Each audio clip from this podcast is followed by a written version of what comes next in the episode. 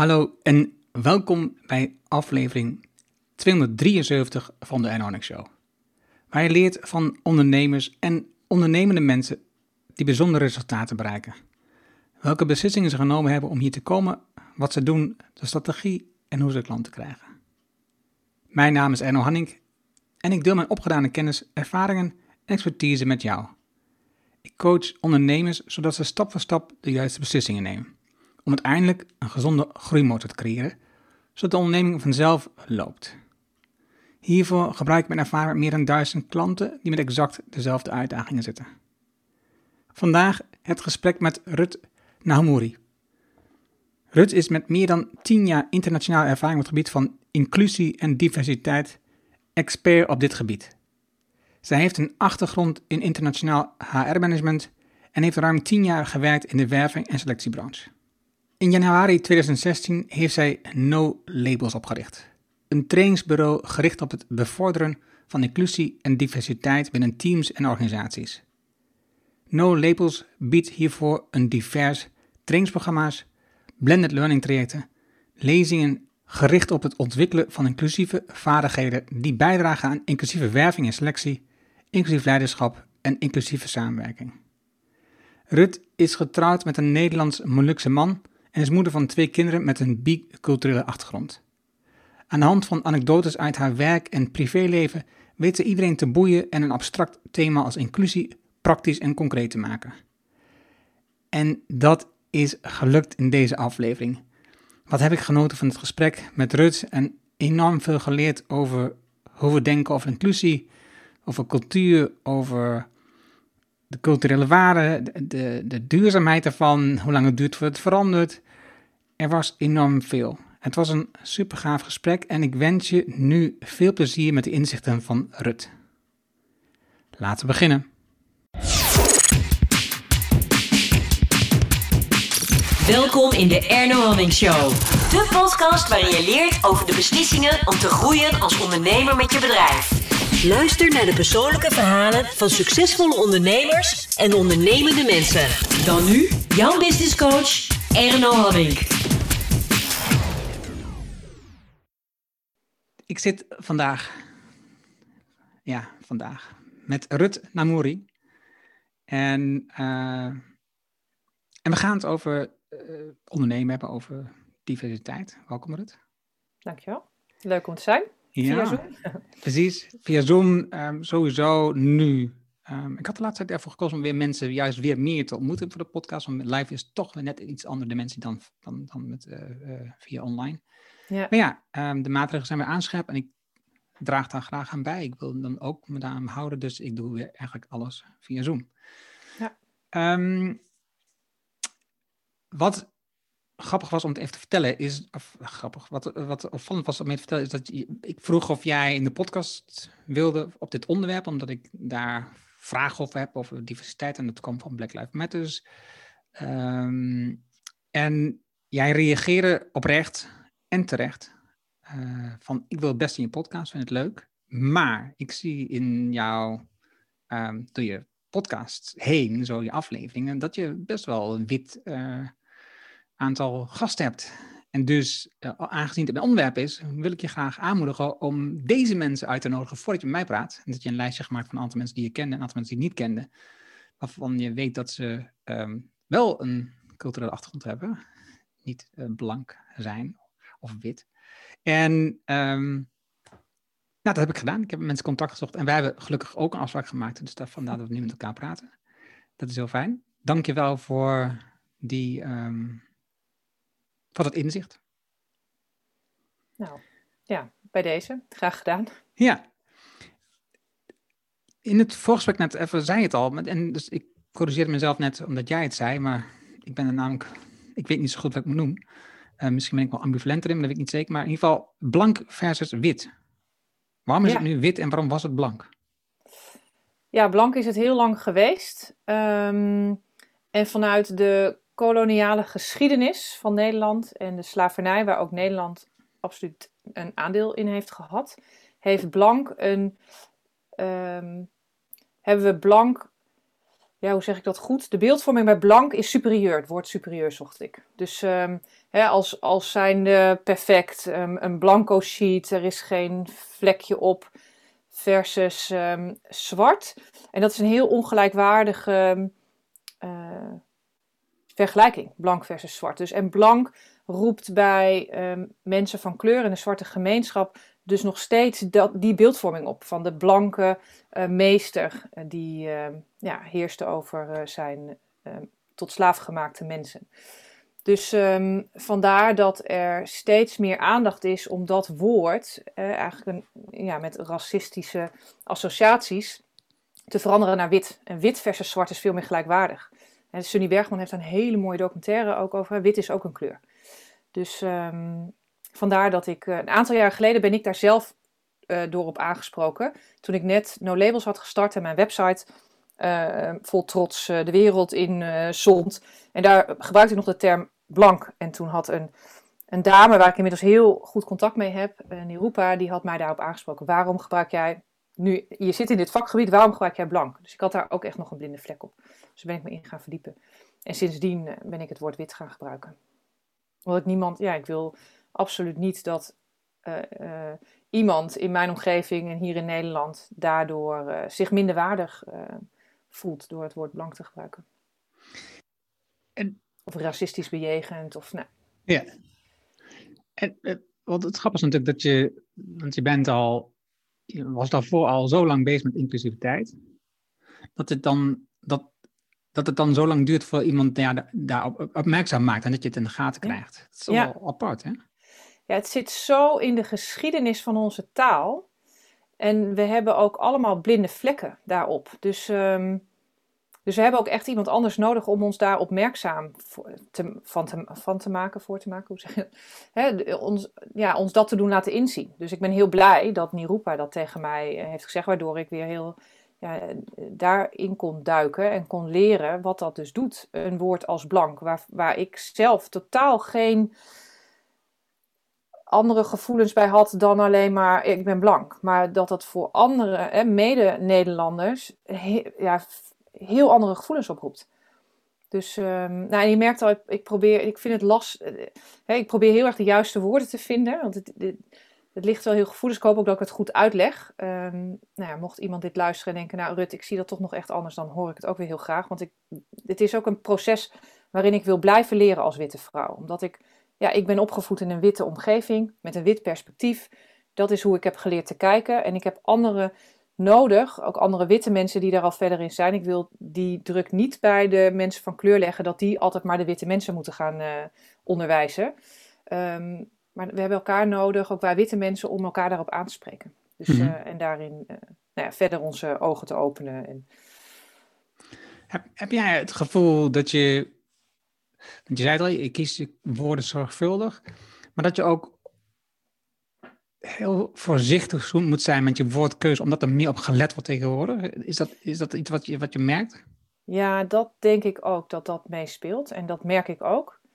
Uh, het is terecht een heel hè, racisme en dat woord, dat alleen dat woord al, wordt in Nederland niet graag uitgesproken. Dus dankzij Black Lives Matter wat natuurlijk een beweging is al wat veel langer bestaat, maar opeens sinds, sinds het voorjaar ook in Nederland. Um, maar het bestaat natuurlijk al veel langer, te lang. Hè, dat zou eigenlijk niet meer nodig moeten zijn. Maar daar is wel, uh, nu wordt die discussie wel op scherp van de snede gevoerd. Um, ja, dus, dus dan ben ik, probeer ik voorzichtig zijn, omdat ik niemand wil schofferen of niemand voor de schenen wil trappen. Of... Maar goed, ik weet ook, ik zal vast dingen zeggen die, die toch ja, verkeerd overkomen bij de ander. En daarom zeg ik, en dan hoor ik dat heel graag, want dan kan ik daar weer van leren. En daar ook mijn eigen besluiten in nemen. Dus um, ja, maar goed, ik, ik kan pas leren als ik weet hoe een ander ernaar kijkt ook. En hoe dat... Dus en mijn intentie, we hadden het net over intentie versus impact. Dus mijn intentie is heel goed, maar de impact op de ander kan wel heel negatief zijn. Zonder dat dat mijn bedoeling was. En wat ik eigenlijk ook in mijn werk doe en uh, met mijn eigen bedrijf, is om die brug, dat gat tussen intentie en impact, impact te verkleinen. En dan, dan moeten we in gesprek met elkaar. Want dan wil ik leren van jou wat de impact is van de woorden die ik gebruik, of de dingen die ik zeg, of de dingen die ik doe. Met de beste intenties. Uh, Maar als ik niet weet wat de impact is op jou, dan eh, blijf ik gewoon doen wat ik altijd al deed. En dat kan racistisch of discriminerend of uitsluitend werken zonder dat ik dat doorheb. Snap je wat ik bedoel? Ja, ik snap wat je bedoelt. Ik, ik zit gewoon nog verder te denken van, betekent, betekent dat je eigenlijk ook nooit uitgeleerd bent? Eh, ja, dat betekent dat. Ja, dat geloof ik echt. Dus eh, ik kan. eh, ik betrapte mezelf er wel eens op. Nou, ik doe nu meer dan tien jaar werk ik op het, op het gebied van diversiteit en inclusie. En ehm, geïnspireerd ook door Dr. D'Angelo, een dame die heel, een Amerikaanse dame die eh, ehm, heel veel leert over privileges en racisme. En ehm, zij zei iets waarvan ik dacht, eh, naar aanleiding van haar boek ehm, Why I Don't Longer. en waar- Waar is dat boek? Hier is dat boek. Oh, deze. Ehm, Why It's So Hard for White People to Talk About Racism. Deze.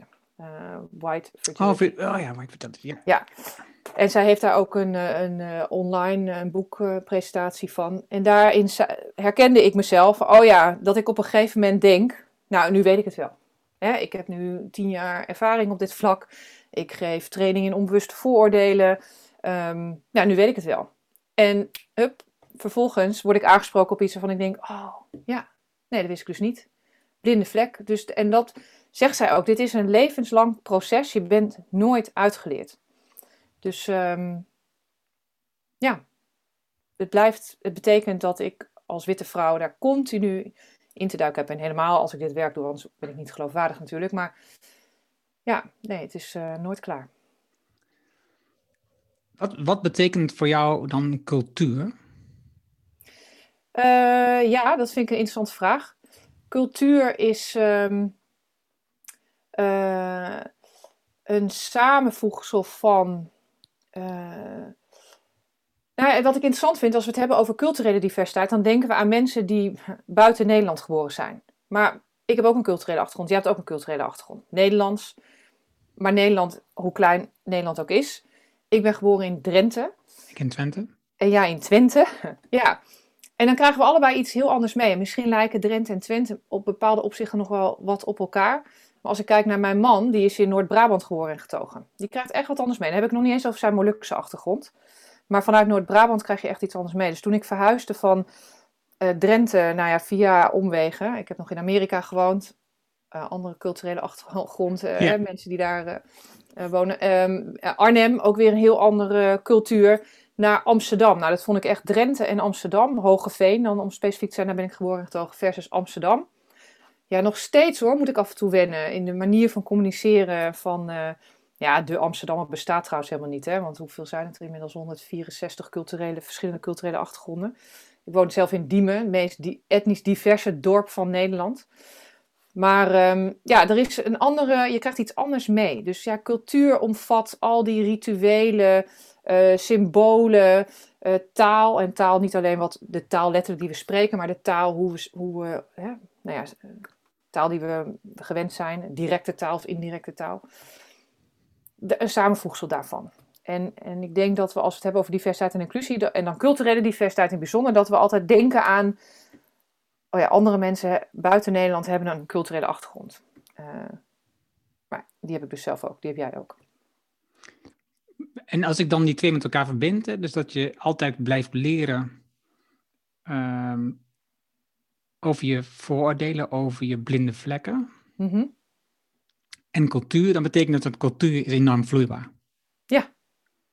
Ja. ja, absoluut. En ik denk dat dat ook nu voelbaar is in Nederland.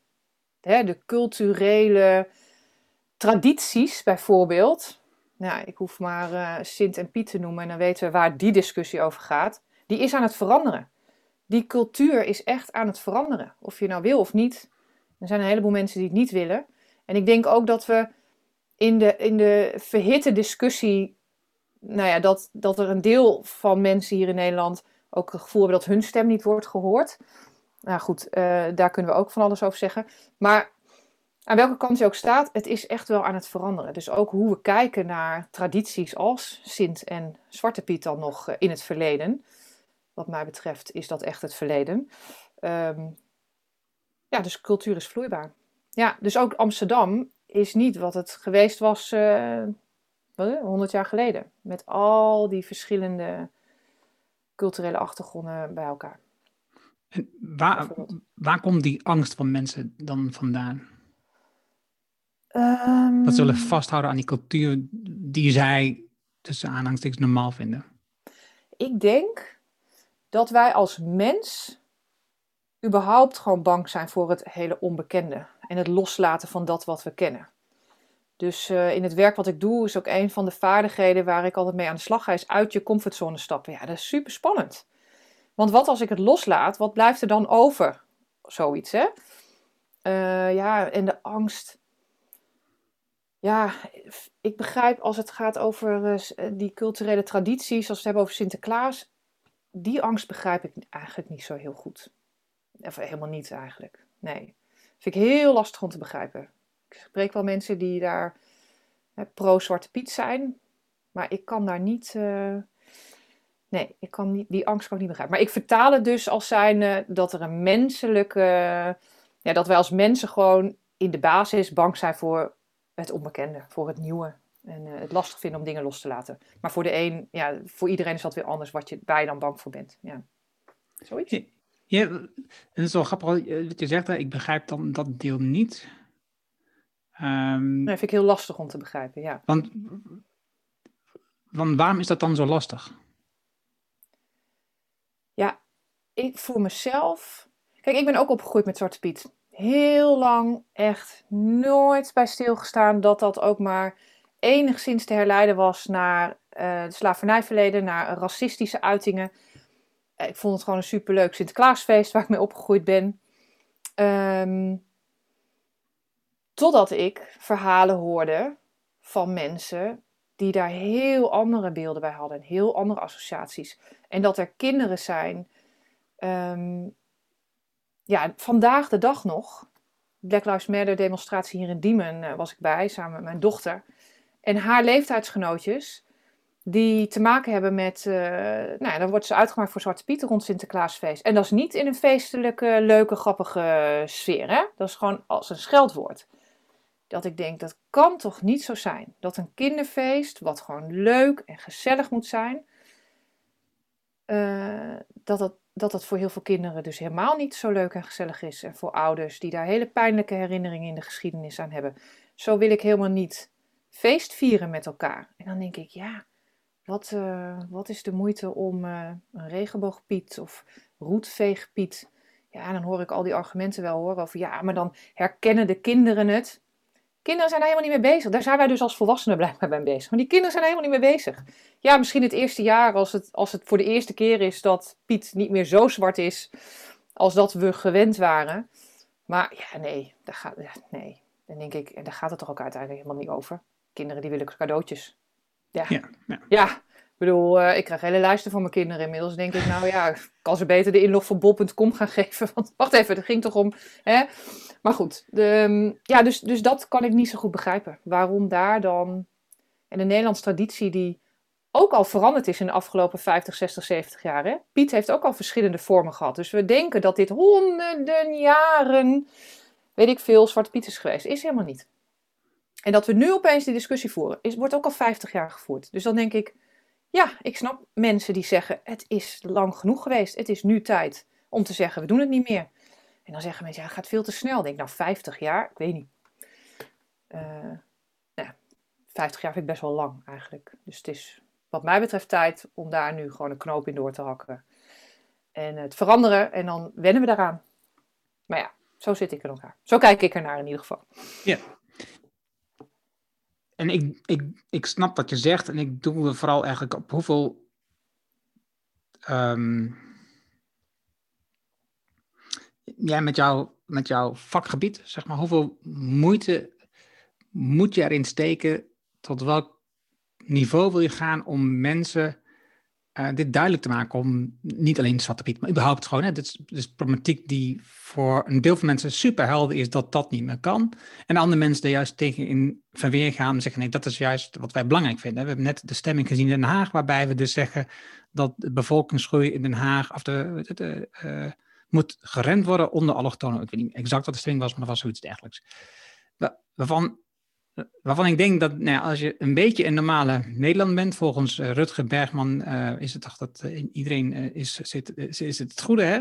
Ja, de meeste mensen deugen. Precies, dat was, dat ja. was het. Hè? Ja. Dan denk ik, hoe, hoe kan nou dat er dan zo'n stemming is? Dat kan, dat kan niet waar zijn. Dat is toch dat is, dat is te gek voor woorden. Wat gebeurt? Dus hoe ver moet je in gaan om in dit geval uh, PVV en uh, de VVD is met name, die hebben gestemd op, op, op, op, op die motie, om dat te begrijpen, waarom zij dan zo stemmen? Ja, goede vraag. Hoe ver moet je gaan?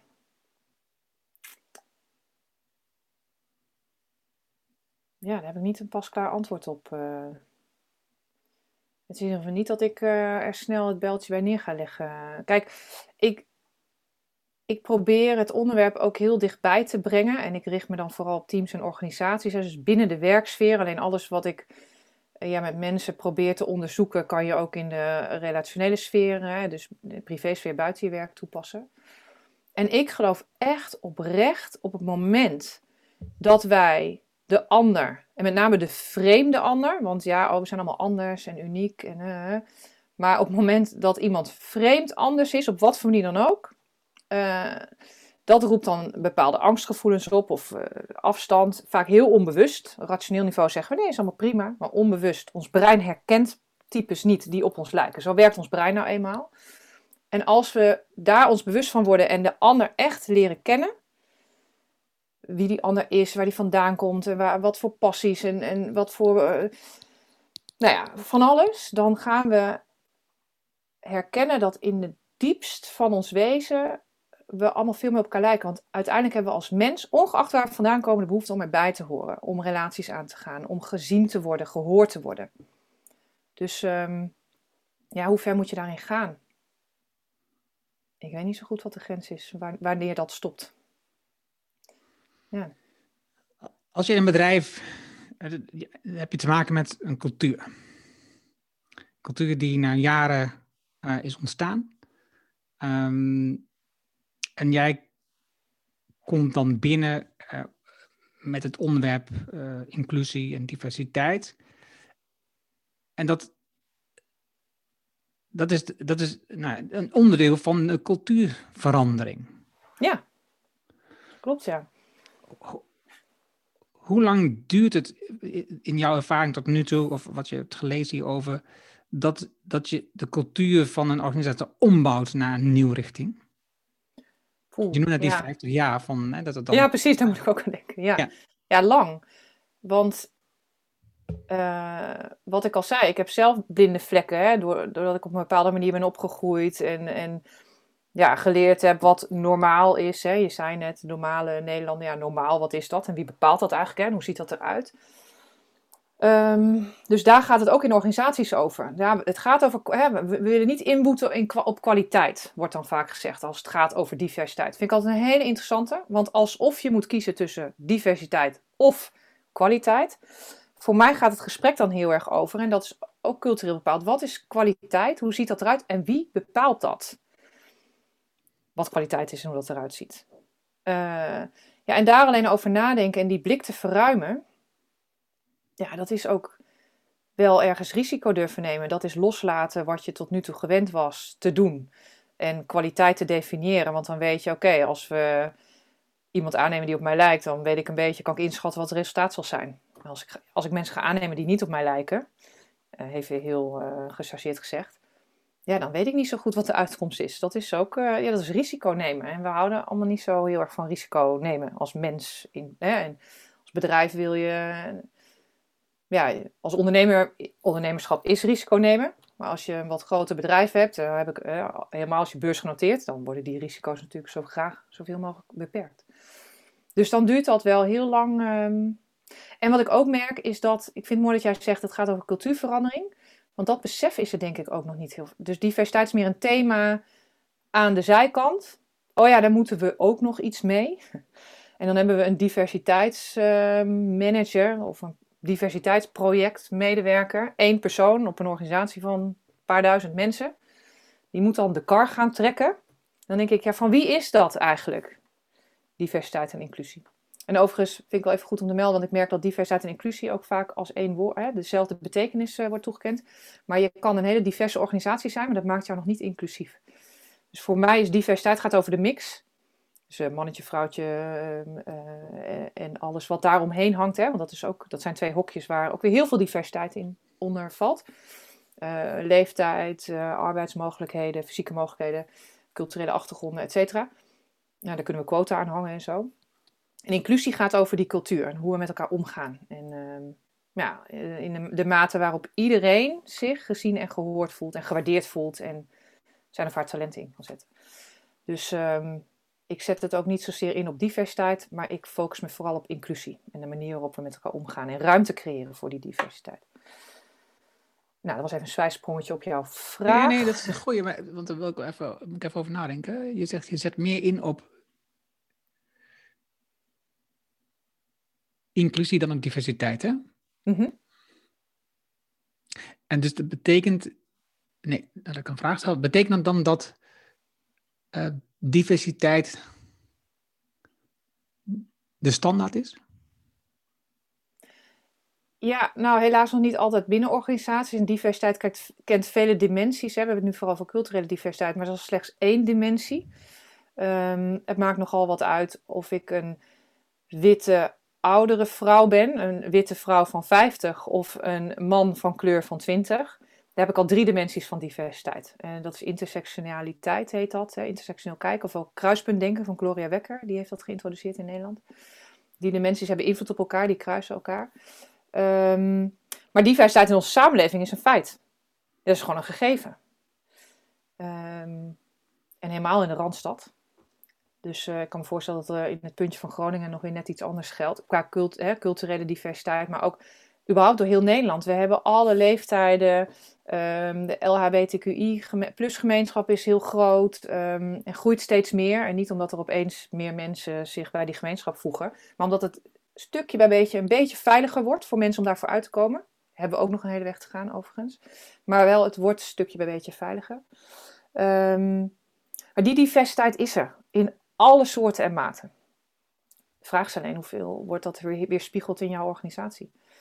En dan gaat het er vooral om, kunnen wij een sfeer creëren, een cultuur creëren binnen onze organisatie die echt ruimte maakt voor die diversiteit. En niet uh, poppetjes uh, plaatsen op posities om een vinkje te zetten. Dan kan je zeggen naar buiten toe, kijk eens hoe divers we zijn. We hebben nu 30% vrouwen aan de top. Maar worden die vrouwen ook gehoord? En mogen zij ook hun feminine kwaliteiten laten zien? En mogen mannen ook feminine kwaliteiten laten zien? En worden vrouwen niet een bitch genoemd als zij te masculien zijn? Snap je? Dat gaat over inclusie. Dat is voor beide diversiteit. Dus, dus um, ja, daarom focus me op inclusie. Om het veilig genoeg te maken om die diversiteit echt de ruimte te bieden. Mooi.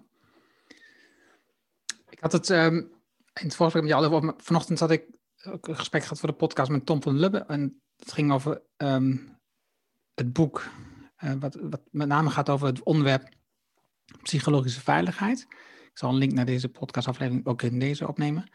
En, en dat, dat heeft hier natuurlijk enorm mee te maken. Is, is je organisatie zo veilig dat mensen zich inclusief voelen? Ja. Dus, dus voor mij raakt het grappig genoeg dus vandaag dit onderwerp uh, elkaar. Dus ja. Toevallig ontstaan, maar, maar het, het, dus dat zet mij aan het denken. Ja. Um,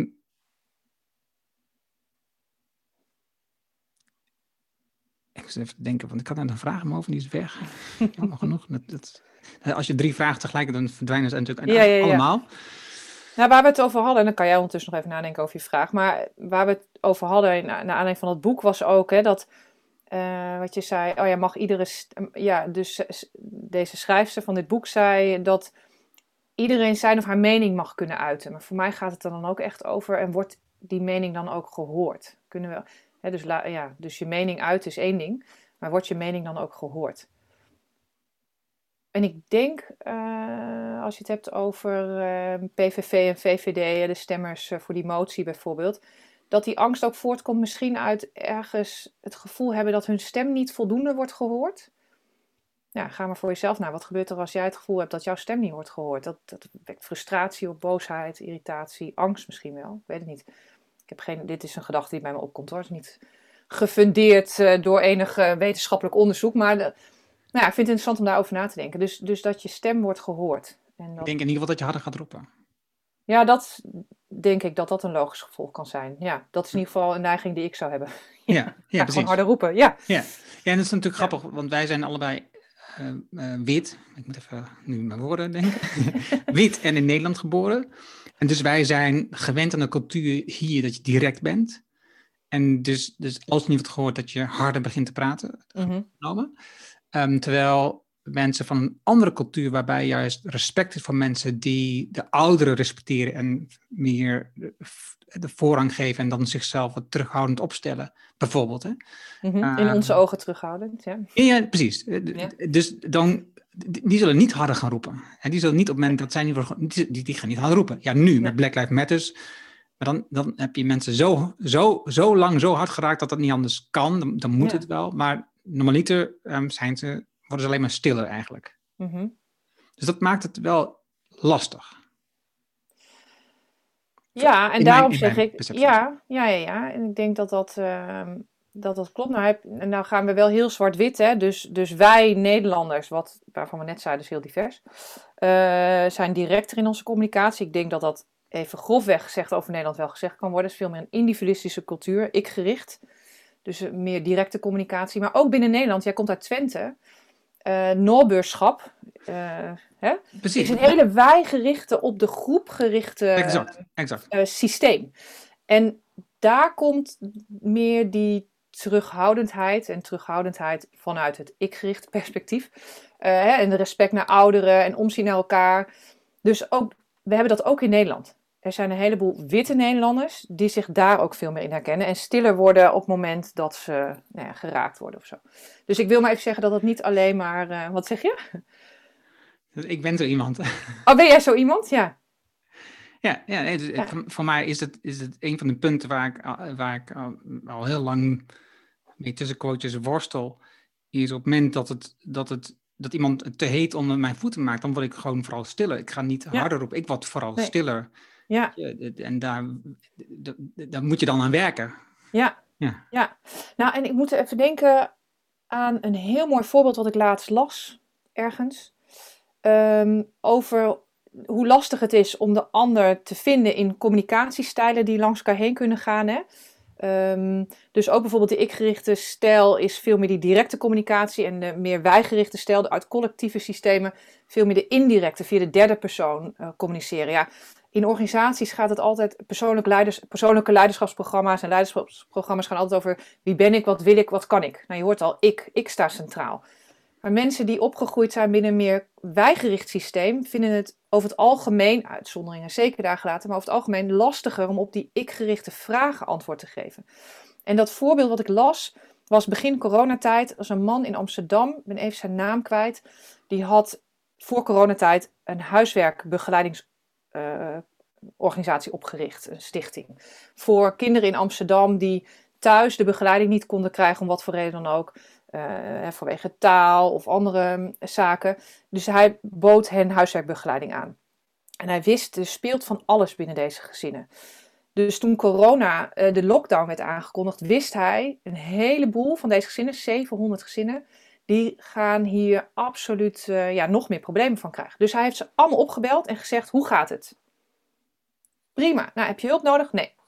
Even heel kort gezegd, waren dat de gesprekken. En geen enkel gezin zei dat hij hulp nodig had. En hij dacht, dat kan niet waar zijn. Maar toen besefte hij, wacht, dit is een hele directe vraag. Hoe gaat het? Heb je hulp nodig? Ja, nee. Antwoord, klaar. Duidelijk, toch? Maar zo werkt het voor heel veel mensen niet. Dus hij dacht, ik moet een andere vraag stellen. Hij heeft ze alle 700 weer opgebeld. En gezegd, ken jij iemand die hulp nodig heeft? Dan gaat het dus niet over mij, maar wat ik zie in mijn gemeenschap. En toen kreeg hij een heleboel namen van gezinnen die daadwerkelijk hulp nodig hadden. Nou, dat vond ik een hele mooie uh, eye-opener van ja, hoe communiceer ik op verschillende manieren om uiteindelijk hetzelfde doel te bereiken. Nou, dus, dus ja, ik gericht en heel direct is slechts een manier van communiceren. En ja, inderdaad, als iemand zich terughoudend opstelt waar jij zegt je in het te herkennen, ja, ik kan dan snel denken, want ik zou harder gaan schreeuwen. um, ik zou denken, nou ja, jij vindt het wel oké. Okay. Maar dat bedoel ik met, hoor ik echt wat jij zegt, zonder dat je wat zegt misschien. Ja, dus dat is wel een dan kun je precies, dan kun je- dat zeg je heel goed, dat denk ik dus ook. Dat, dat- dan kun je dus nagaan hoe moeilijk dit is. Hè? Dus Het is moeilijk, ja. het is, is, dit is gewoon in de mensheid, in het algemeen, welke vorm Ja, die ook heeft aangenomen. Precies. Dit is gewoon echt gewoon heel ingewikkeld. Ja, omdat simpelweg, nou, dat is dus niet zo simpel, dat zeggen we net, maar heel simpel gezegd, ons brein zit zo in elkaar. Dus ons automatische brein achterin onze hersenpan. Daniel Kahneman heeft daar een interessant boek over geschreven, Thinking Fast and Slow. Hebben we het ook over gehad in de boekenkast? Ah, kijk, ja. Ehm, hè, dat ons, ons automa, hij noemt dat nog het snelle brein, maar dat is niet zo'n inclusieve term. Systeem, systeem 1, 2, systeem 2. Ja, systeem 1 en 2. Dus systeem 1 is het automatische brein. Daar wordt gewoon alles in opgeslagen. Dus, dus wij, en dat is heel erg gericht op dingen die we herkennen. Dat gaat dus ook over de manier waarop ik gewend en geleerd ben te communiceren. Ja, ik heb ook heel erg van huis uit meegekregen als ik je wat geef antwoord als ik je wat vraag. Ja, en niet morgen pas, maar nu, zeg maar. En eh, uit je mening. En eh, ja, het liefst wel. Je hebt overal wel het liefste mening over. Dus ik vind het heel lastig als iemand, als, als een onderwerp wat ik heel belangrijk vind, als iemand zegt, nou, weet ik niet. Ja, maakt me niet zoveel uit. Oeh, ja, dat vind ik dan lastig. Mijn brein denkt dan, hé, hey, dat herken ik niet. Dus dat vind ik raar, gek. Eh, daar komt denk ik ook die angst vandaan. Hè, dus ons, dat automatische brein, systeem 1, dat is onze interne gevarendetector van toen we ooit nog in grotten leefden. En we echt bang moesten zijn voor iemand die niet op ons leek. Daar komt denk ik, waar we het eerder over hadden, ook die angst vandaan. En dat is dus heel menselijk. Dat maakt niet uit waar je geboren en getogen bent. Dat heeft iedereen. En, en, en dit is natuurlijk fantastisch voor jou, met je, de, de, de interesses die je hebt, maar ook het bedrijf wat je bent gestart. Want het is oneindig lang veel werken op dit gebied. Ja, ik zeg wel eens, ik ga volgens mij nooit met pensioen. En als ik er echt bij stilsta, dan dat doe ik niet al te lang. Want ik ben gelukkig idealistisch genoeg. Maar ik weet ook dat dit waarschijnlijk niet, dit gaat niet opgelost worden in mijn leven. Hè, in onze generatie. Dus dit duurt inderdaad oneindig lang. En dan, nou, daar zou ik bijna ontmoedigd van kunnen raken. Maar eh, tegelijkertijd kan ik niet anders dan hier... eh, ja, klinkt misschien eh, wat nou ja, zwaar, weet ik niet. Maar dit, dit is waar ik mijn leven aan wijd. Ja, dit is wat ik tot, tot ik erbij neerval, bij wijze van zal doen. Ja, het, het grappige is, ik, ik, ik denk vaak over dit soort onderwerpen na. Dus eh, wat je nu beschrijft, voor duidelijkheid, is eh, dus de impact die wij hebben als mens op de geschiedenis, die is natuurlijk een heel. Ja. We, we hebben natuurlijk. Er wordt ons wijs gemaakt, laat ik het zo zeggen, dat, dat je een van de grote missie moet hebben in je leven. En dat je daar volledig voor moet gaan. En, en dat, je, dat je grote aantallen mensen moet bereiken. En dat je veel dingen moet veranderen. Maar zoals je al zegt, eh, de kans dat jij dit onderwerp gaat veranderen in je leven, die is, die, die- eh, dat is, dat is, is niet aanwezig. Dus ik kan, kan wel zeggen nieuw, maar dat gebeurt gewoon niet. Het, Racisme zal er nog steeds zijn. ja, het onderwerp is veel te groot, het is veel te ingewikkeld, het, is, het, het, is, het zit veel te lang in ons systeem. eh, Ons brein is, dat duurt nog zo lang voordat dat gaat veranderen. En, ehm, en we hebben ergens een illusie dat we daar een impact op gaan hebben. Maar dat is niet Mhm. zo. Dat is gewoon, dat is gewoon, dat is niet zo. Het percentage van mensen wat daar een impact op dat is echt, dat is zo klein, kan ik van mezelf al uitsluiten, dat word ik niet. Dat Mhm. ontmoedigt me over totaal niet om mijn werk te doen. Hè, Dus ik Nee. heb steeds ontzettend veel on- eh, interesse in het onderwerp bezig ben. En nog steeds heel veel interesse om mensen als jij vragen stellen om hierover te leren. Dus dat ontmoedigt mij totaal niet. Maar dat heeft meer te maken met mijn levenshouding. Dat ik denk, weet je, vandaag is gewoon de dag, de dag dat we leven. En gisteren is voorbij en morgen is er nog niet. Dus het, het gaat alleen over vandaag. En dat is het moment waar ik wat op kan doen.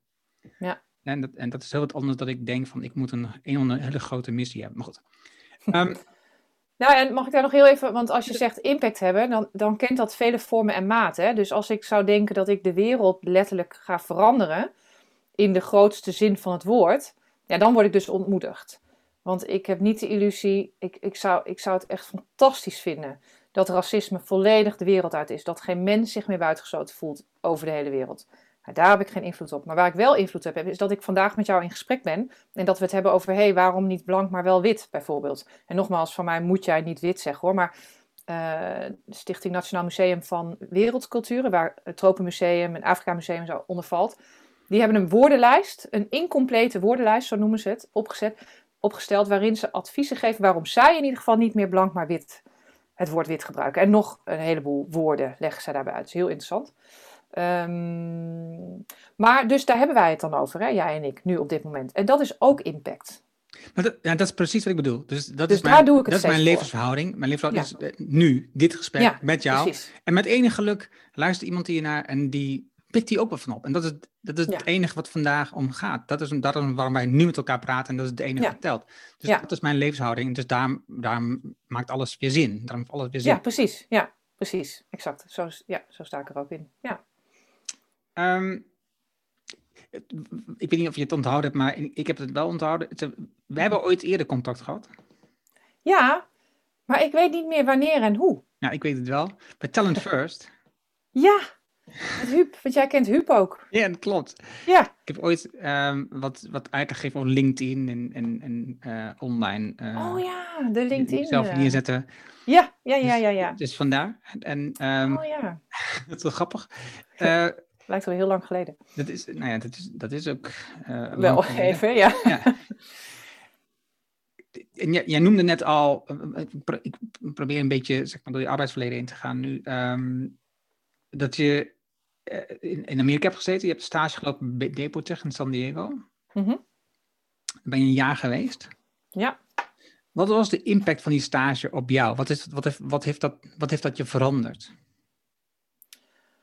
Poeh, goede vraag. Ja, het heeft mij als persoon veel zelfverzekerder gemaakt.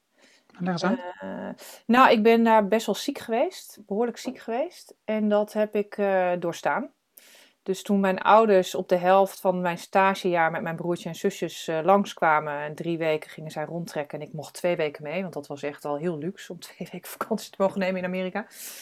Ehm, toen zeiden mijn ouders, nou wat wil je? Want Ik was toen aan de beterende hand. We kunnen je ook meenemen. En ik voelde echt, nee, nee, nee, ik blijf hier. Dus, ik voelde, ja, dus dat heeft mij heel erg gesterkt in, oh ja, ik kan dat dus ik kan dat overwinnen of zo. eh, in een land wat, nou ja, toen misschien iets meer dan nu, maar heel erg wel ogenschijnlijk lijkt op Nederland. Omdat het allebei westerse culturen zijn. Hè? Ik-gerichte individualistische culturen.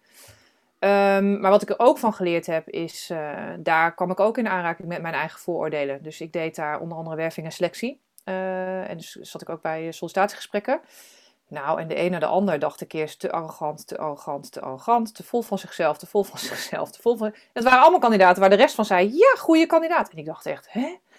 Nee, dat meen je niet. Nou, de een nog harder dan de ander pochen in mijn ogen. Pochen over, weet je wel, en je komt daar kantoorruimtes binnen met de diploma's aan de muur. En ja, dat is iets wat, wat ik hier niet zie. En ook niet, hè, dus je moet niet al te veel pochen. Terwijl, grappig genoeg, je moet in je sollicitatiegesprek wel goed zeggen waar je goed in bent. Maar dat moet je dan weer niet te overdrijven. Hè? Doe maar normaal, doe je al gek genoeg in Nederland.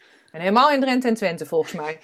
Maar, ehm, eh, dus ik heb geleerd, oh maar wacht, ik heb dus geleerd te kijken naar mensen dat die zich wel bescheiden opstellen. En niet zo, weet je wel, niet al die gekkigheid en niet jezelf zo op de borst slaan. Maar daardoor kon ik helemaal die talenten en kwaliteiten niet zien van die mensen. Dus ik ben daar wel echt wakker geschud, ook op dat thema. Zonder dat ik daar toen heel bewust was oh, dit zijn dan vooroordelen en zo. Ehm, maar dat heeft mij wel, eh, dat heeft mij ook wel gevormd. Dat ik nou daardoor echt beseft, oh ja, wat ik van een ander vind, zegt dus alles over mij en hoe ik geleerd heb te kijken en helemaal niks over die ander eigenlijk. Dit, dit grijpt in op eh, iets waar ik, eh, wat ik vaker, waar ik het vaak over heb met ondernemers. En wat ik terugzag in je video van jou. En wat het grappige is natuurlijk dat ehm, als ik ondernemers spreek, ehm, en we hebben het over eh, hun medewerkers, ehm, dat ze ervan overtuigd zijn dat ze, dat ze allemaal goede medewerkers hebben. Er zit altijd wel één tussen die niet helemaal goed is, die eigenlijk weg moeten, maar dat, we gaan er nog menslag. En, ehm, en ze zijn van mening dat ze goede mensenkennis hebben. En dus binnen no time weten wie er aan tafel zit, of dat een goede persoon is of niet de goede persoon is. Dat, is Ja. wat ze, dat, dat zijn ze van overtuigd. En Ja. dat, is niet, dat is niet één, het is echt, het is echt minimaal 80% van de mensen die ik spreek, die hebben dat gevoel van zichzelf. Ik, ik zie dat gelijk. Ja. En jij noemt het, in een van je video's noem je dat ook, hè? Dus, het, dus het, het gevoel wat je krijgt van iemand binnen zeven seconden. Ja, En dat is, is eigenlijk wat je in mijn optiek net ook beschreef in Amerika. ja, Het, ja. In zeven seconden heb je dat beeld Ja, van zo, pff, Ja. is niks. Waardeloos persoon. ja. En dat, wat doe je om dat gevoel bij te stellen? Om daar, nou, bij is dat niet het goede woord, om ruimte te maken voor dat je, dat je de echte mens ziet?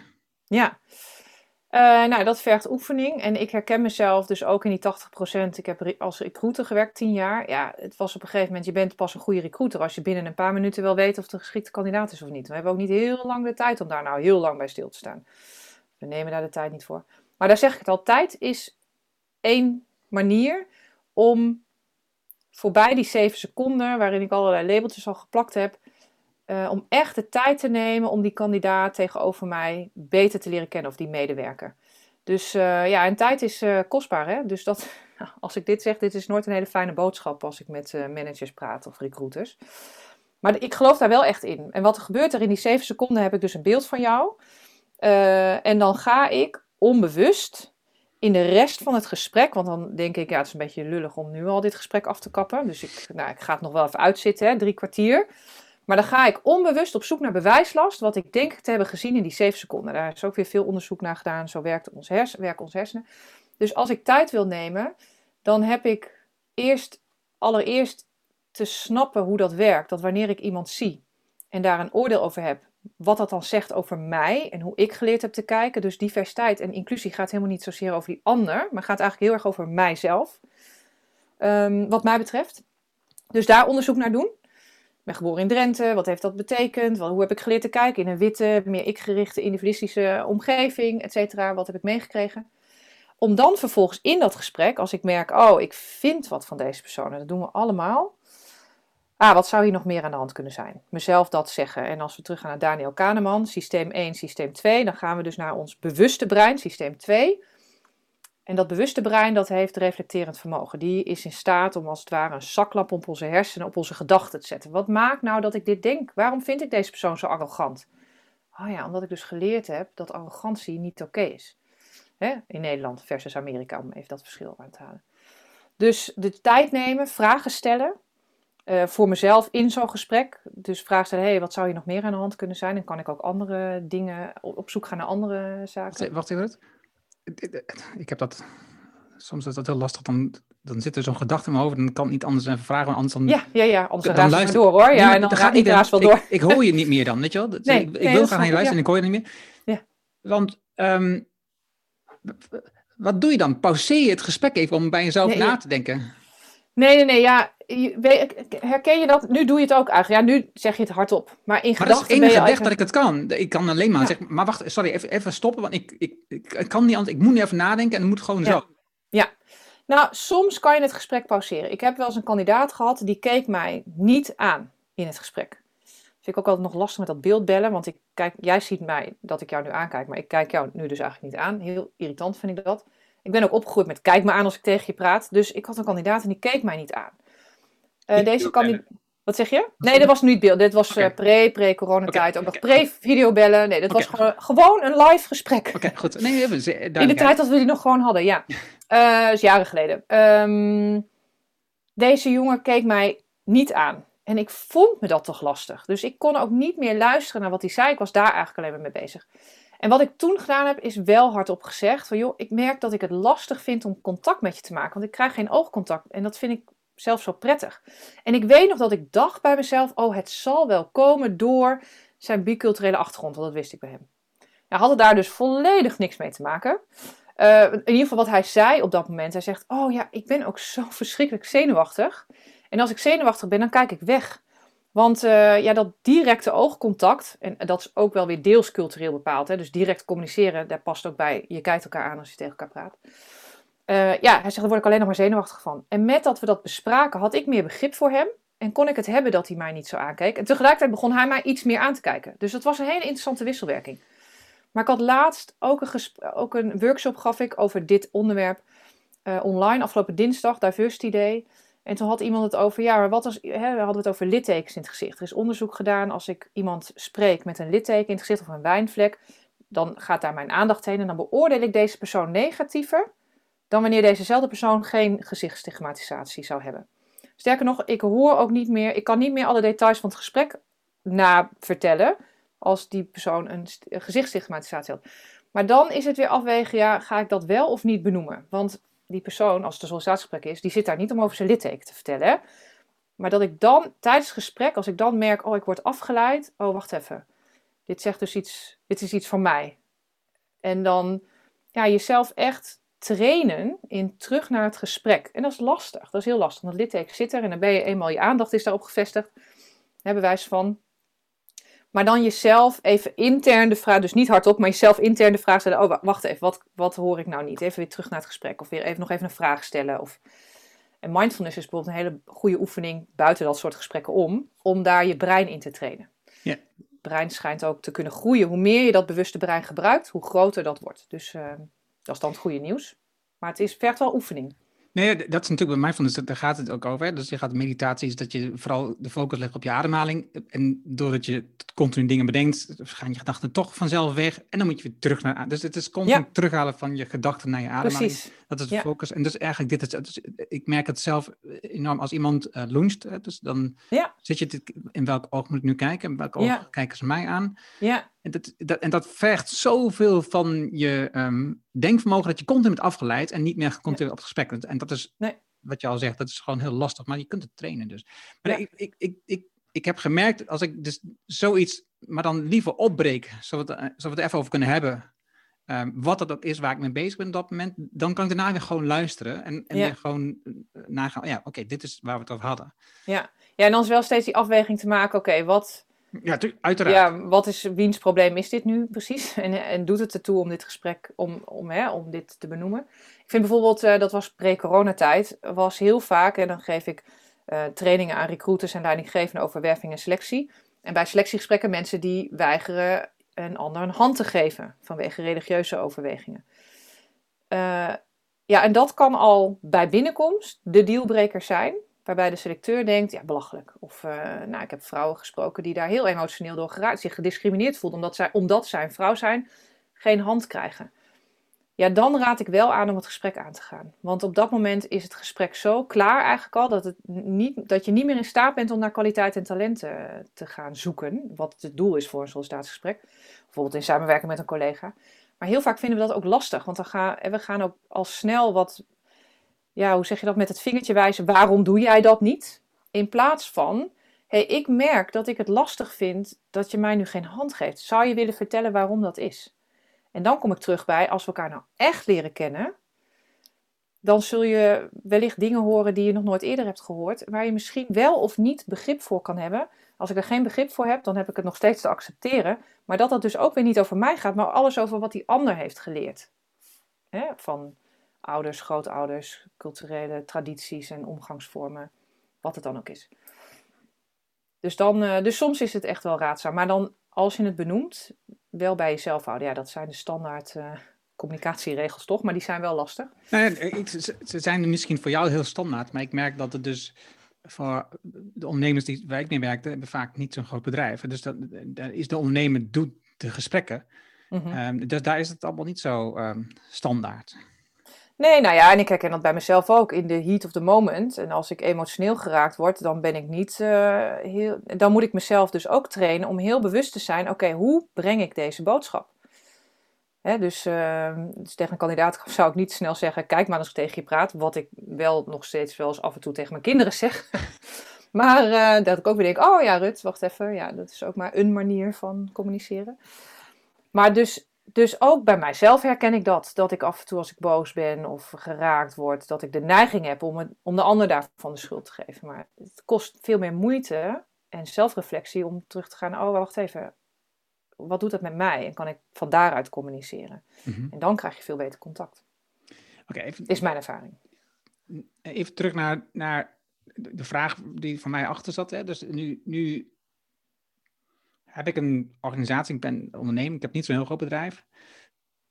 En ik realiseer me dat het goed zou zijn, laat ik het dan heel optimistisch of pessimistisch brengen, dat het goed zou kunnen zijn mm -hmm. dat ik wat meer um, diverser aanneem en ook wat inclusiever ga worden. Mm -hmm. um,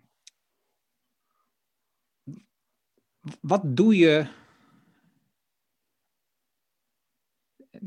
ik woon in Doetinchem, dus, uh, ook nog steeds een vrij blanke omgeving, dat vergelijkbaar mm -hmm. met Drenthe zou ik zeggen.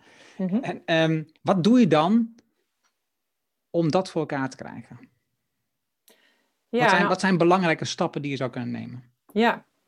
Nou, allereerst de vraag, waarom wil jij dan diverser worden? Oké, dan, wat, is, wat is volgens jou de belangrijkste reden om diverser te worden?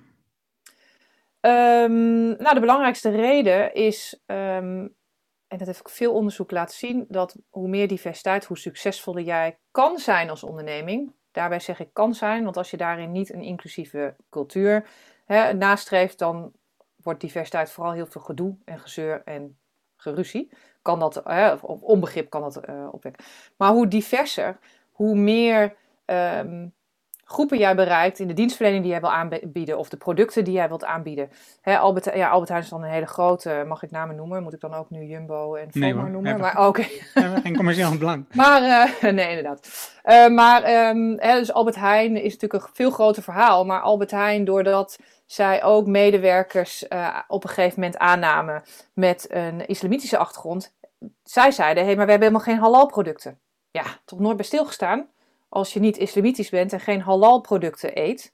Of, eh, nou, bijvoorbeeld, of, of mensen die eh, heel graag vegetarisch of vegan eten. Ja, je hebt die mensen nodig om te laten zien waar jouw blinde vlek nog zat en waar dus nog een blinde vlek op jouw marktpotentie zat. Dus nou, als kleine ondernemer kan dat hetzelfde gelden, dat jij ehm, ja, bredere groepen kunt bereiken in de markt waarin jij eh, acteert.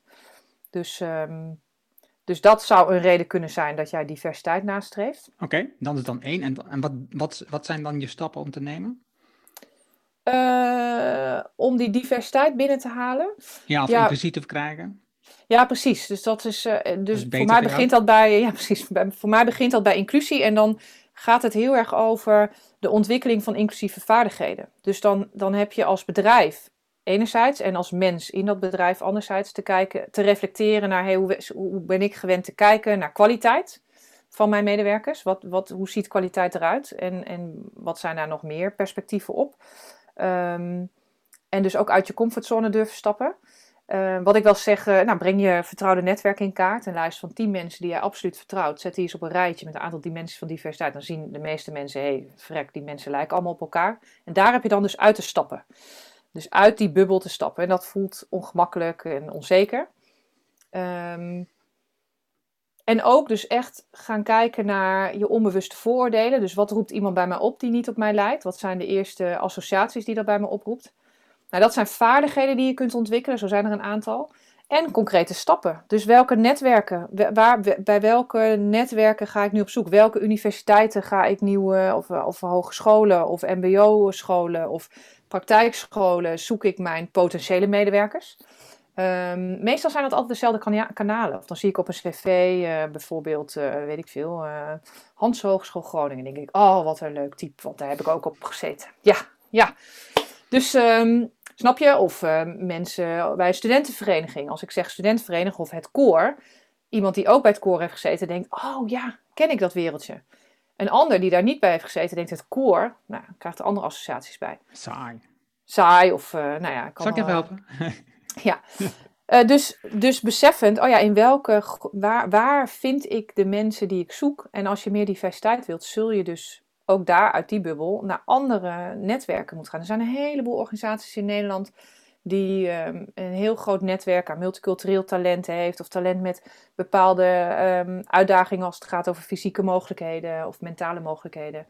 Eh, maar die moet je echt opzoeken. Daar moet je naartoe. Want ik hoor vaak ook mensen, ja, ik, sta er helemaal voor open, maar ze komen niet. Nee, dat klopt. Jij moet naar hen toe. Dus je moet, gaan je moet echt gaan verdiepen in welke taal, niet letterlijk Nederlands of niet, maar welke taal wordt gesproken. Waar spreek ik mensen mee aan? Het gaat ook wel een beetje over employer branding.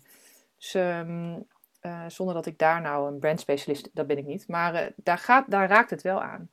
Dus wat is het beeld wat mensen van jouw organisatie hebben? En ehm, ja, dus dat zijn eh, dus uit je, je andere netwerken aanboren. En ook wat vaak gebeurt, ik denk ook bij kleine, helemaal misschien bij kleine organisaties, is je collega's vragen, eh, als jij nou iemand binnenhaalt, maar ja, als jij een volledig witte club mensen hebt, van een, hè, 30, 40 mensen, en jij vraagt deze mensen om meer mensen, dan ga je dus meer mensen aannemen die op jou lijken. Dus ik zou zeggen, doe dat dan vooral even niet, maar ja, ga echt andere netwerken aanboren. Jij bent nu zelf ehm, ondernemer, een aantal jaren. Mhm. Je hebt hiervoor gewerkt bij onder andere VDR en Tempo Team. Mhm. Ehm, was, was Talent First voor jou de, de sleutel om, om, om zelfstandig te worden? Ja, het is voor mij een springplank geweest. Ehm, dat was niet helemaal de insteek van Talent First. Eh, maar eh, voor mij was dat wel. Ik, toen ik wegging bij Tempo Team, ik wilde zelfstandig. Uh, maar ik vond het niet een heel prettig beeld om mezelf in mijn eentje op mijn zolderkamer te zien zitten. Dus ik wilde wel graag mensen om me heen hebben met wie ik samen kon werken. En nou, Talent First was daar een fantastisch netwerk voor. Want Talent First is een franchise, franchisegever voor zelfstandig coaches en trainers. Dus ik vond dat, en daar heb ik wel echt ook het ondernemerschap geleerd. Um, ja, dus dat was voor mij wel een springplank, een sleutel, als je het zo wil noemen, naar ondernemerschap. Is Huub dan, de oprichter van Talent is hij dan degene die jou ondernemerschap heeft geleerd? Onder andere. Uh, en ook het netwerk van allerlei verschillende types. Huub is uh, daarin wel echt. Uh, ik heb veel van hem geleerd. als je het hebt over uit je comfortzone stappen, dan is Huub daar bijvoorbeeld een heel groot voorbeeld van. Die, ja, die denkt ook echt alleen maar in mogelijkheden. Het is echt fantastisch hoe hij dat heeft neergezet en hoe hij daarnaar kijkt. En zo deed iedereen dat weer op zijn, eigen, zijn of haar eigen manier binnen deze club. Dus, dus ook onderling konden we daar heel goed over sparren, hoe iedereen dat aanpakte. En, um, en jij hebt ondernemers, je hebt ondernemers. Ik, ik ben een ondernemer vanuit een missie en een passie. Dus, en je hebt ondernemers die ongeacht welk product of dienstverlening, die maken er een business van. Dat is, dat is een ander soort ondernemerschap in mijn ogen. Dat, dat zijn de uh, ondernemers?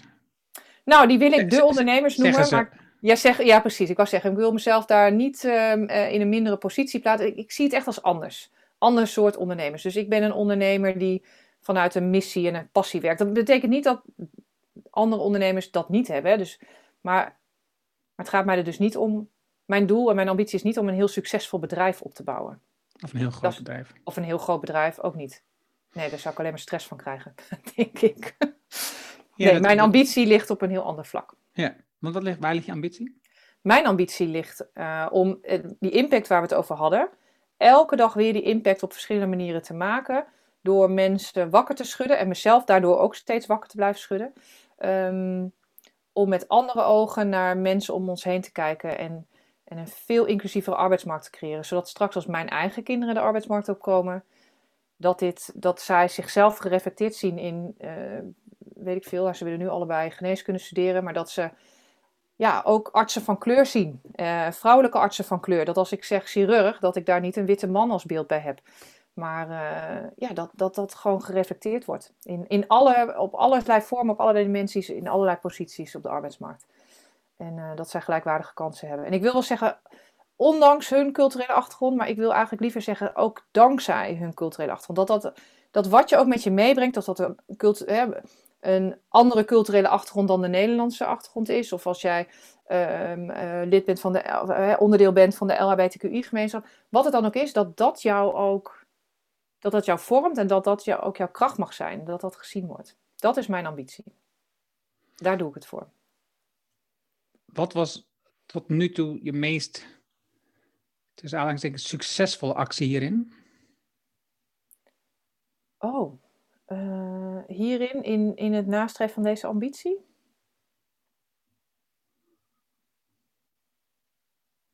Uh... Waar ben je het meest trots op tot nu toe? Uh, waar ik het meest trots op ben is.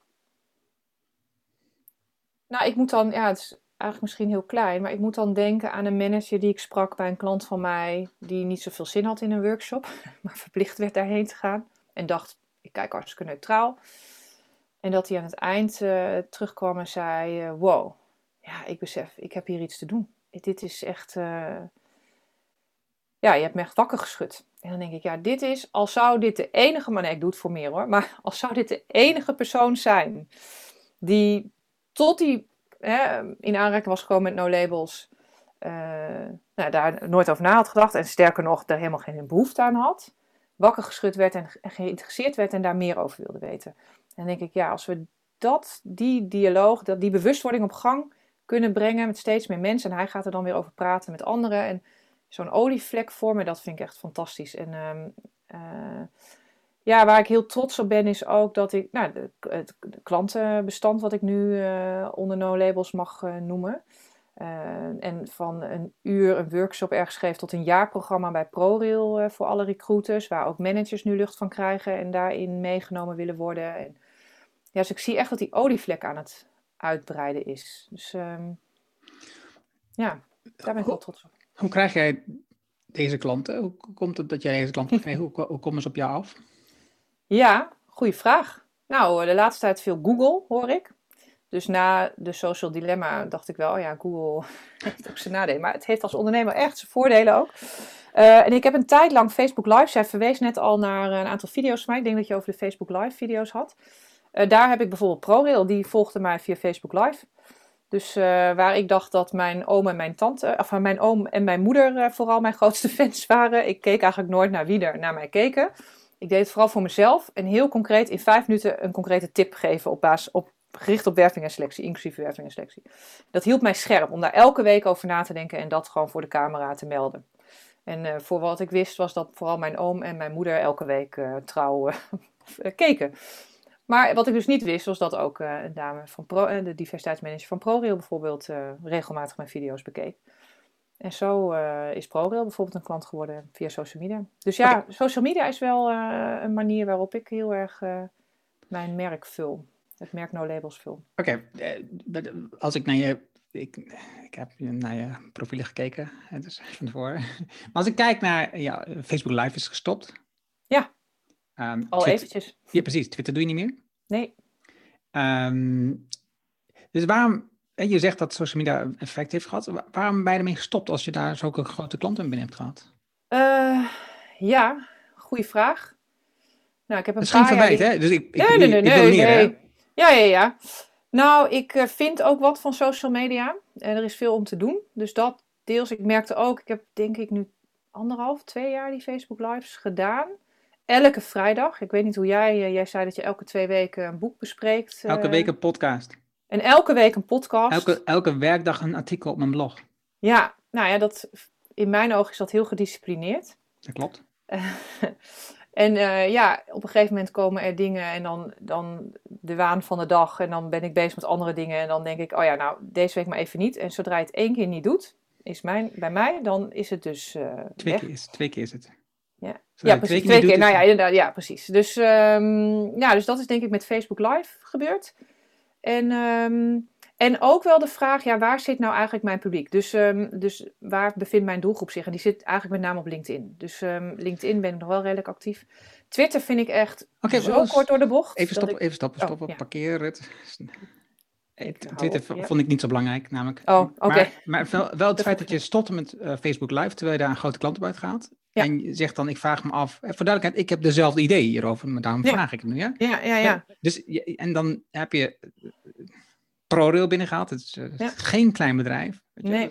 Dus, um, en je zegt, ik vraag me af wat mijn klanten zit. Nou, ja, ja, ProRail zat daar onder, ja, ProRail zat daar, ja. Ja, maar ik plaatste dus ook de video's op LinkedIn. Oké. Okay. Dus. Um... Wat, merk je, wat, merk, wat merk je op dit moment? Wat, wat komt er voor jou uit LinkedIn? Um... Ja, tot nu toe hoor ik dus vooral Google.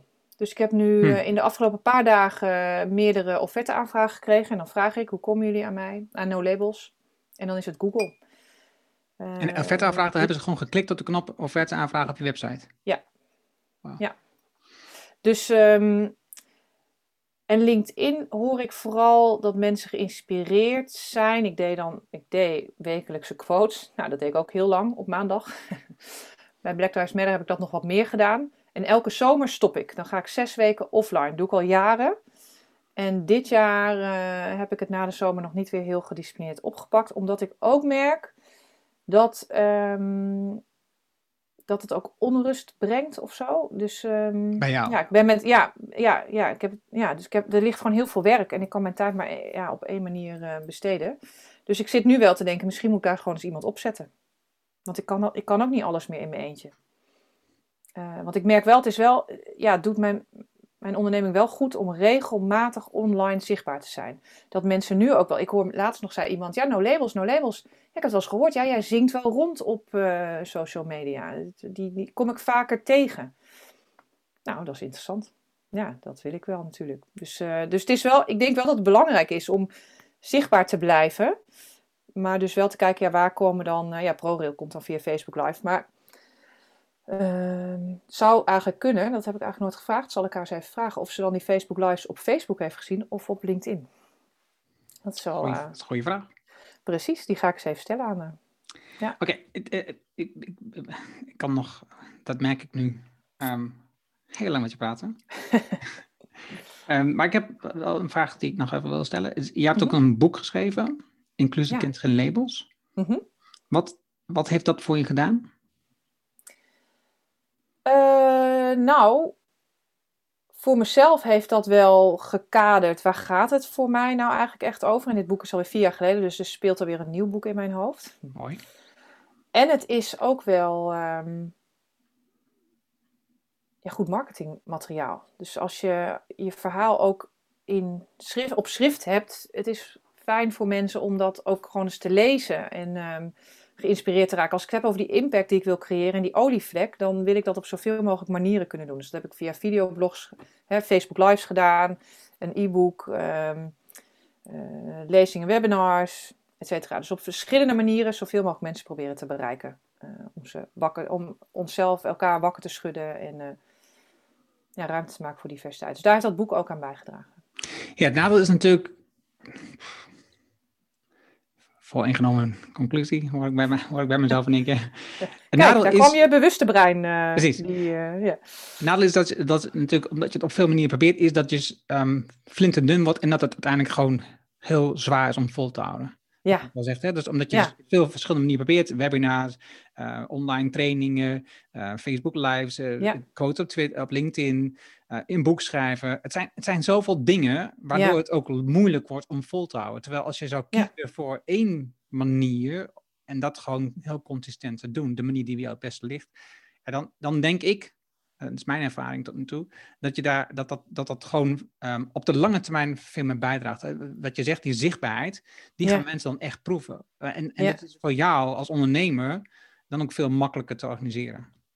Ja, want is, dan, is dat wat je zegt? Dat dan focus je dan, want het heeft ook met focus dan denk ik te maken, hè? Uh, zeg jij dan focus je vooral op die zichtbaarheid online? Want zichtbaarheid kan ook door middel van. Hè, dus boek heeft ook bijgedragen aan zichtbaarheid. Ja, maar, ja, maar, maar dat, dat, dat is niet het is, je, moet het, je moet een manier kiezen die bij je past. Ja, precies. Dus ik ga niet ja. zeggen welke manier je moet kiezen, maar als... Hm, als... dat hoopte ik, dat jij dat even zo... Ja, sorry. Ja. Dat kan ik best wel doen, maar dan moet ik wat langer praten met je ja, ja, ja. over dat onderwerp voor duidelijkheid. Nee, maar, kijk, als, je, als je, um, spreken jouw ding is, dan zou ik zeggen, ja, doe dat, weet je En laat dan, Maak, neem een video, la, laat een video opnemen van je presentatie en, en, en, en, deel die op de social media. Maar dat kun je allemaal organiseren dan. Hè? Maar als spreken je ding is, ga dan spreken.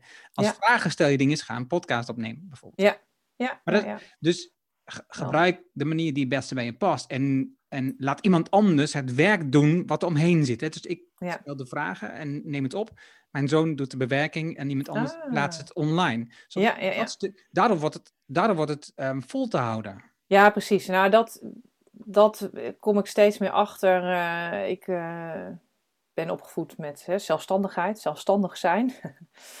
uh, maar um, dat doet niks af aan zelfstandigheid. Maar als ondernemer, ik, ik kom nu op een punt dat ik ook merk, ik kan het gewoon niet meer helemaal in mijn eentje. Uh, dus ik werk met een pool van trainers, uh, freelance trainers, maar dat is enerzijds is voor de uitvoering van het werk. Maar daaromheen, wat jij zegt, en dingen online zetten en zorgen dat je zichtbaar blijft. En, en je boek schrijven.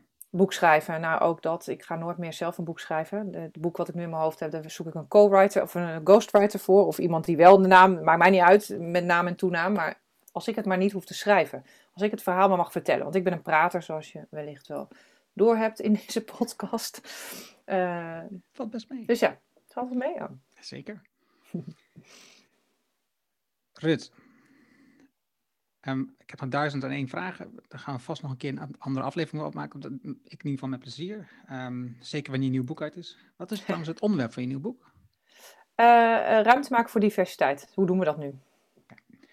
Ehm, dus als iemand zich uh, aangesproken voelt, die wil graag meewerken in het boek, Rut, roep je bij deze op. Ja, goeie. um, waar, waar, kunnen mensen je het beste bereiken? Oh, um, website nolabelsinc.com, uh, LinkedIn, Rut Nahomuri uh, en uh, info at nolabelsinc.com. Nou, dat zijn drie manieren al. Dat is meer dan genoeg. Ja, precies. super, super, dankjewel Rut. Ja, bedankt. Heel leuk zo met jou in gesprek te zijn. En je na al die jaren weer uh, te spreken. Dat was het mooie gesprek met Rut. Je vindt de namen en de links die we noemden in het artikel dat bij deze uitzending hoort. Ga daarvoor naar ernohanning.nl slash show 273. Wil je vanzelf de volgende aflevering op jouw telefoon krijgen? Dat kan heel eenvoudig. Heb je een iPhone, er zit de standaard Apple Podcast op. Open die app, zoek de Ernohanning Show op en abonneer. Heb je een Android-telefoon, ook geen probleem. Installeer dan bijvoorbeeld de Player FM app. Zoek de Ernohanning Show op en klik op abonneer. Dankjewel alvast. Heb je vragen, opmerkingen, reacties over deze aflevering met Rut of over de podcast in het algemeen? Stuur dan een e-mail naar podcast.ernohanning.nl Ik hoor super graag van jou. Wil je leren hoe je stap voor stap de groeimotor van je bedrijf versnelt? Wil je veel meer werken aan de taken die nog niet urgent, maar wel belangrijk zijn? En wil je leren hoe je het beslissingenboek gebruikt om je beslissingen te verbeteren? Vraag dan het boek Betere Beslissingen, Betere Ondernemer aan op ernohanning.nl. Dit is mijn nieuwste boek en je downloadt het gratis. Je hebt zelfs geen e-mailadres nodig. Wil je de papieren versie van het boek? Dat kan ook. Je betaalt dan alleen de verzendkosten. Dit boek blijft voor nu gratis. Dit is mijn nieuwste boek en het nieuwste boekje is altijd gratis. Vraag het daarom nu aan. Je vraagt het aan op ernohanning.nl en het is een klein boekje. Je leest het in één avond tijd. Dankjewel voor het luisteren en graag tot de volgende. Dankjewel voor het luisteren naar de Erno Hanning Show op ernohanning.nl.